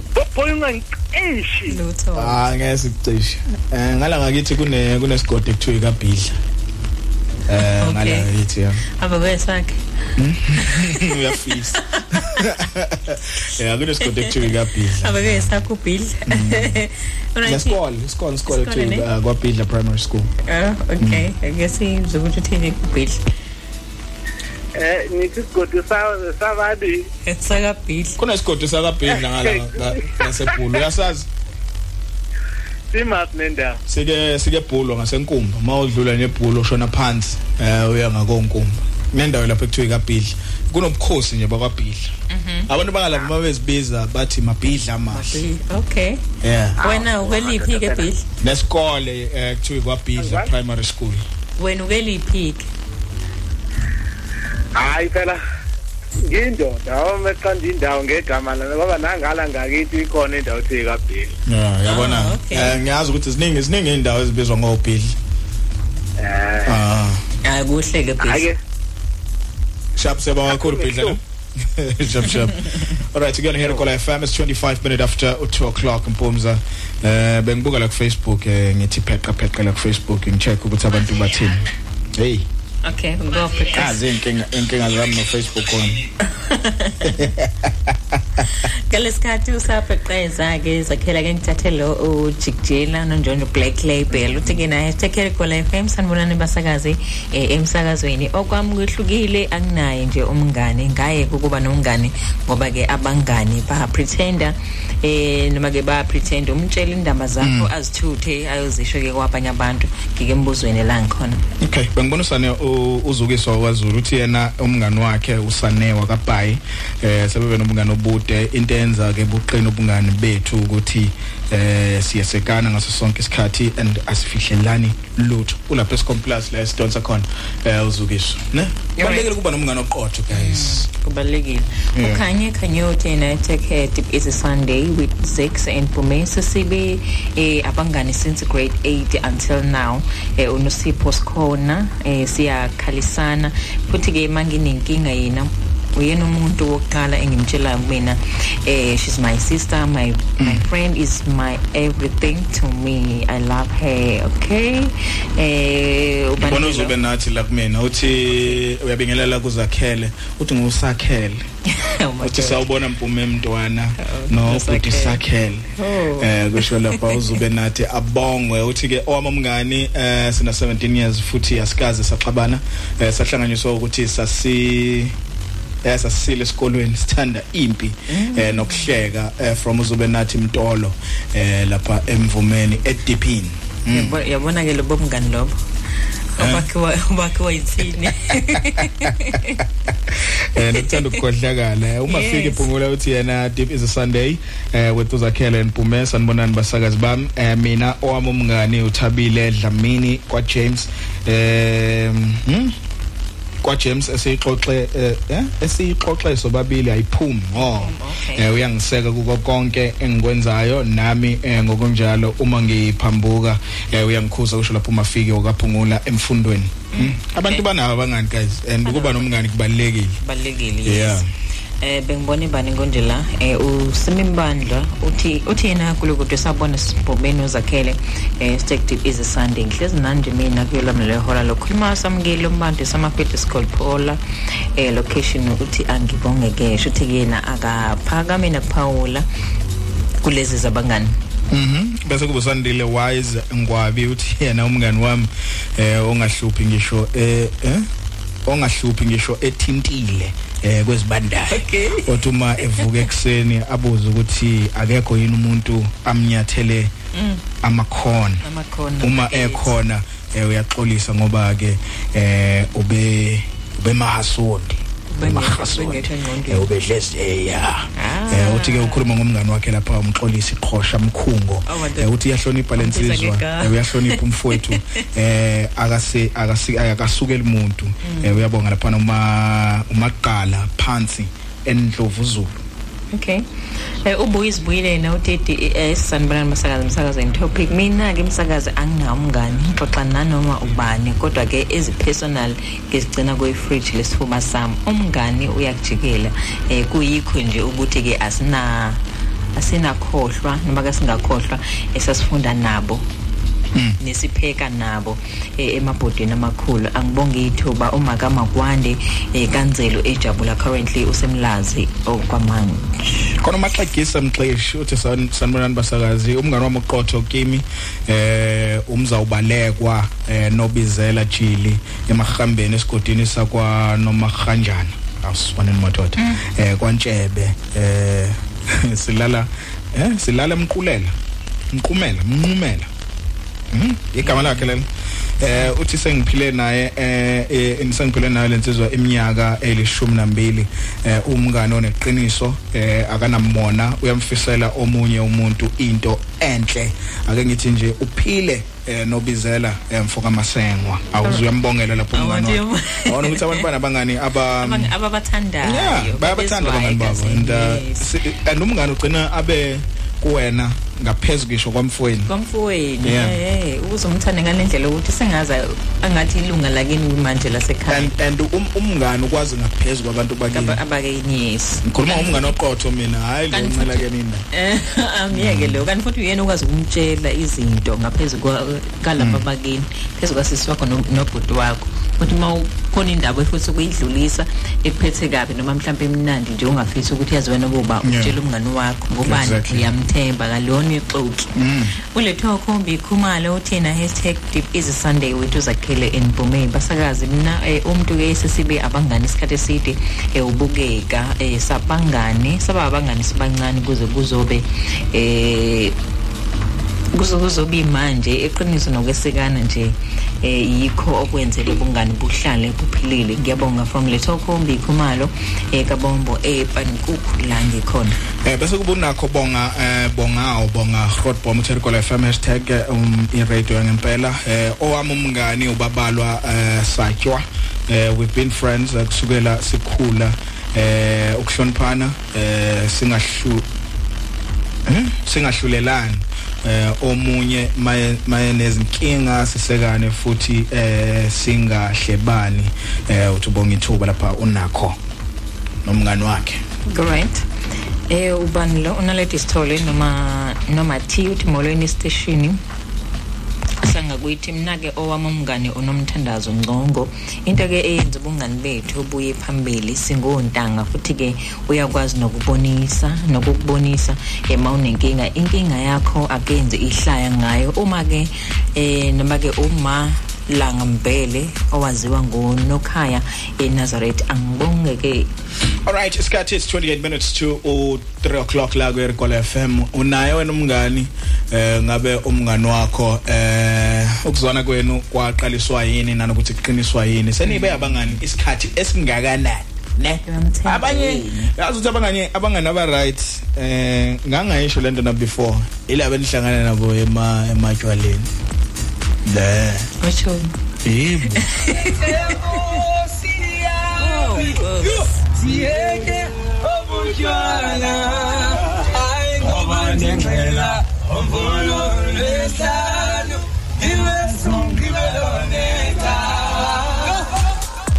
Alright, siqhubekeke ne Sin City yethu.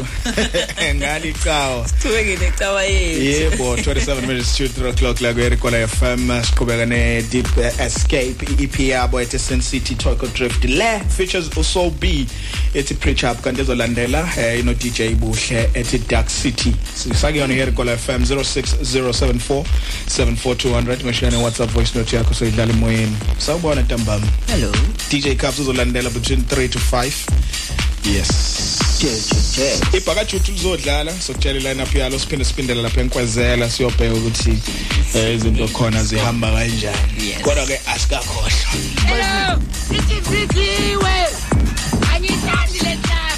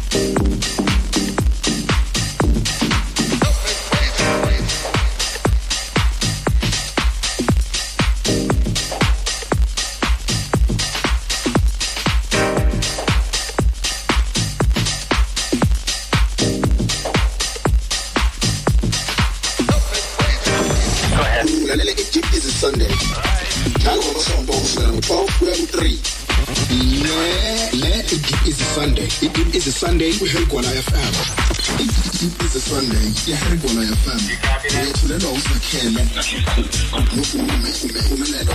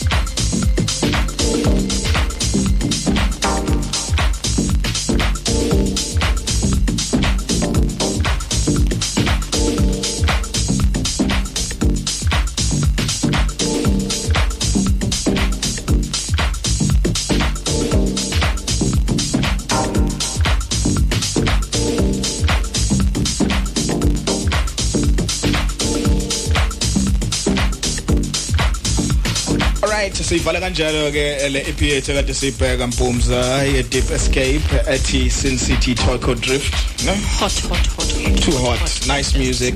Great music for a Sunday evening la uh, or Sunday afternoon la emzimkhulu and surroundings. Uheriko la yonkana nje kulawulalele khona umsakazo wakho la uthola khona ku 88.8 uh, but before sihambe Mpumza for sekusele kancane so phinda futhi sithathe intambo sizijikjele le uh, emlimandlela ebhambatha enkwezela. Eh akumakhaza akumakhaza kuleya ndawo yasenkwezela. Eh but omido omido ngibona ngathi bahleli kahle. Mido eh sithatha sibeke sithombeni mfethu ngiyeza ukuthi nomdlalo lo ekuqhenywe kona lenicheme nawo. Eh usuzoqala. Zisenoshilo awu awu awu zakhele mfowethu sibingelele nje umlaleli weRubara FM eh ngempela nje lo mdlalo kade siwulindile zakhele mfowethu eh manje insizwa zibe lapha ezansi elayinini. Esilinde lapha i-verification kuyenziwa lapha amakhadi siyabona yavezwa lapha ezansi.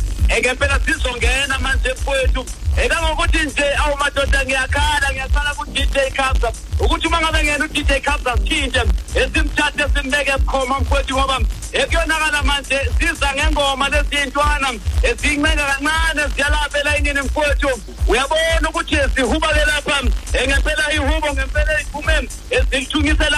emsamo ekhaya emzimkhulu mfowethu. Uyaqala manje umdlalo insizwa yilapha elayinini mfowethu. Zibophele kanjani futhi lensizwa Eh, lezi insizwa nje zibophele kanje mfowethu. Eh, zinoshintsho nje olodwa lapha eh, ngempela ngoba lapha emafaleni yona ejunior stars eh, kukhona lapha usikete lapha emafaleni bazomkhumbula eh, lapha emzimkhulu. Ukhona umfana lapha umamthumi eh, ufake lapha ujezinombolo 18 khona uwushe ufake ujezinombolo 15 eh, kanti lapha emuva kwa- kwa kwa left back babophele lapha insizwa uwushe. Ukhona ke lapha umfana usikhokho odlala ke lapha ngempela emuva center back. Ukathi ukhona lapha umfana lapha uvukile eh, lapha okuyena ngempela ke unumber 5 ufake lapha ujezinombolo 4 ekhona umfana omude walapha kwasithole. Udlala lapha esingeni sesenta nodlala ibhola elihle lomfana. Ebambiza lango santos ufake lapha ujezinombolo 2 kukhona ke insizwa lapha ekhaba ngonyawo losokunxele bayibiza lapha uvimba. Ifake lapha ujezinombolo 10 angikaze ngalibona ibhola edlalwa ilentwana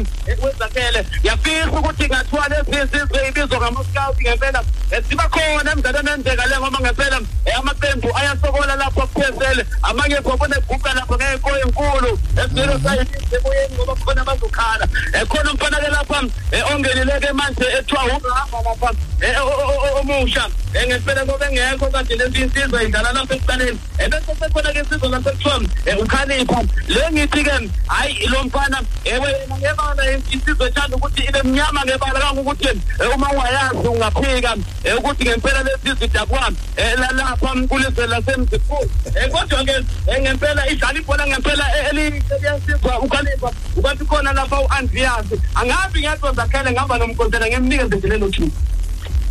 Sibonke mntakababa. Njengoba umdlalo uzoqala timajem uzoyiwa khona ezenta uyena referee ozowususa umdlalo uvise gomsi umdlalo uzosuka noba yileni na? Ngisithatha intapho ngize kuwe mithi Eh, asibonge wezakhele mphothu ngesikhathi osinike sona. Siyafisa ukuthi udj kazathi bayingena eh, lapha kunhlelo lakhe jazz jazz ngempela. Akasikeze nje noma u-twenty minutes ke sihlale nje ngaphambi kube kathathu ezo abantu basemzimkhulu ukuthi izinto ihamba kanjani. Size sifunda sakithi seyerigwala eh, ukuthi izinto ihamba kanjani kwabhabhathe stadium. Siyabonga mfowethu. Alright uzongithathela kanjani uCubs na? Siyabonga bafowethu Thank you bafo. Umdlalo lapha eBambatha ama playoffs eh lapha bash- bayasho ukuthi bachimile ngokukhulu ungasabi ne? Nami- ngokukhulu kuyithemba. Yeah. yaw bakithi. Chimile one time.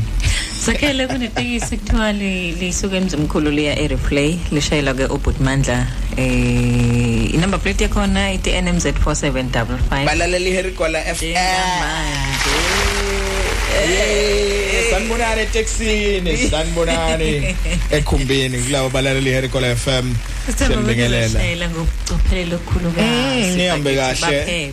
yeah nifike niphephile nasemakhaya. Sentanda kakhulu. Njalo nje nawe uma ufika ekhaya ufinde futhi uqhubeke nawo lo msakazo wahamba wa- wangakini ohamba phambili. Uthola ku 88.8 emsakazweni wakho. Uyinkuluve nyuyise lapha ngaseqaleni uzoyithola. Injalo indaba yebo yebo. basemzimkhulu bathi ke zakhele ngakwithi ngakwithi ngakuyithi ngakithi ngakuyithi Yeah.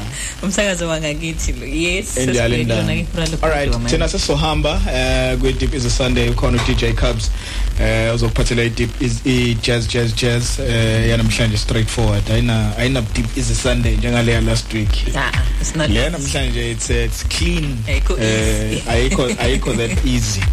Yes masibuya ngapha eh siyavayana kanjani mpumza? Sekudansela ingoma ka Oscar Mbono Mahuwe to Moya Wam the C Blacks vocal mix.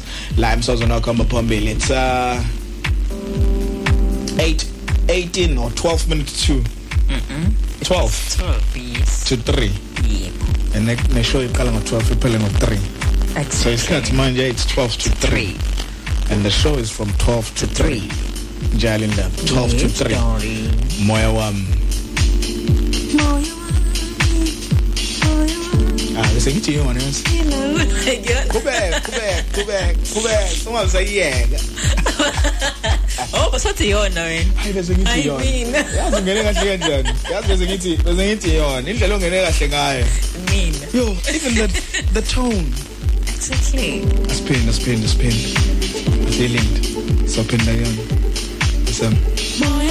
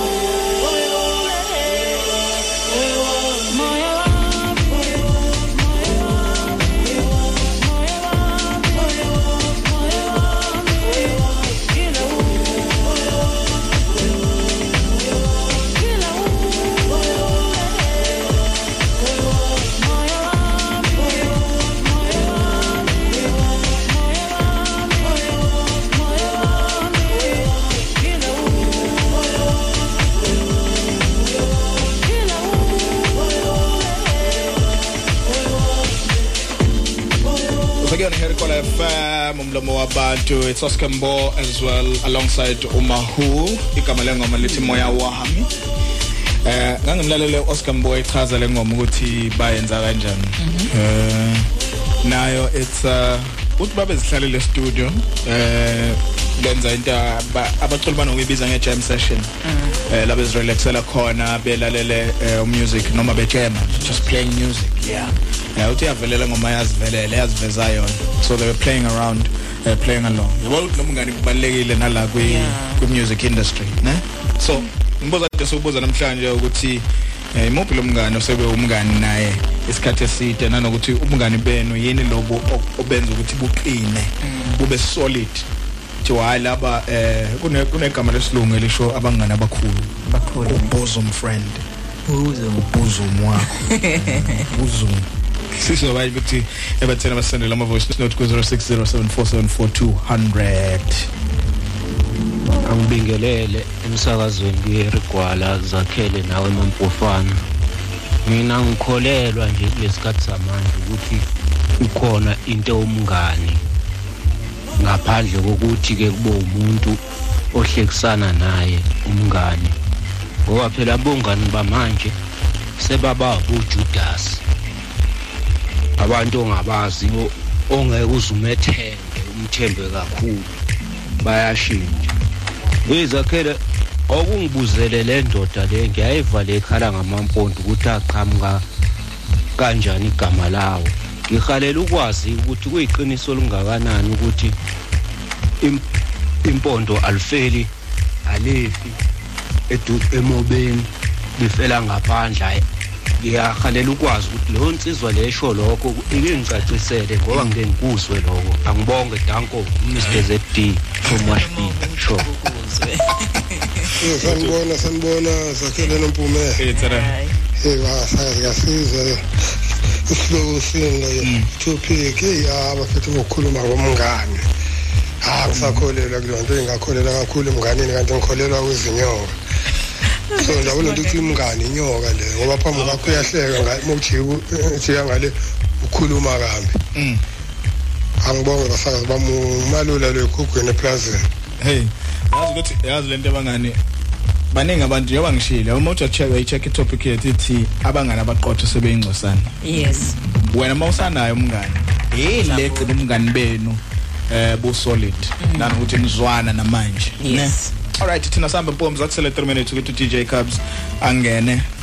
Okay asithi waqa waqa kulaba ke sihleli nabo namhlanje. Yes. eh ngoba ke sikwazanga ukuthi sibafunde wonke ama comment onelo nelo njilo semimbandla sam eh sebelela zanibe uzokuyiswa zolo letho khombe khumalo khethe kuthola head office ngobo unathi khoza ujike ujikela nonjodo black label. Uzamile bandla uneliswa jwaha eh ukhanye khanyo umalindi zanibe uthapsile Jessica nwa nala. Uzube nathi abongwe eh ubuyizi boyi ujabule ukhala endlovu gawu noku nokudlelana. Okay emzwandile mina enhle uzandi noma ke usande wise ngwabe umafika iphungula. Cobra khanyile esigwebo manzini ulukhanya ngcongo samkelo nokwanda khanyile zube nathi abonge umaxekisa mxeki nakuba ngeze ngikwazi ukunifunda nonke kodwa ke ngesinto ezayo sofunda abanye. Uzobuyana kanjani deep is a sunday 12 to 3 njalo ngamasonto eh so sikhona sinawo ku social media bathola upum Facebook Phumelelo Mpofana Mntwana ku TikTok Mpumza Zulu ngolwesithathu zomthola kusukela ngo10 ebusuku ezokushayela uTalk uhlelo asikhulume sibonisana mina ungithola ku Zakhele Mtolo on Facebook @zakhele on Twitter and Zakhele live uh, ku Instagram nalo TikTok onama video amabili namanje. Still. So Zakhele live. Bye bye see you next week. Okay, we will meet on the road. I'll be the waiting of not far. Abhayini ke siyobonana. Siyobonana ngelinye ilanga siyobonana ngalo. Salelala. No matter how good you are, if you stay for too long, you spoil it. A good dancer must know when to leave the stage.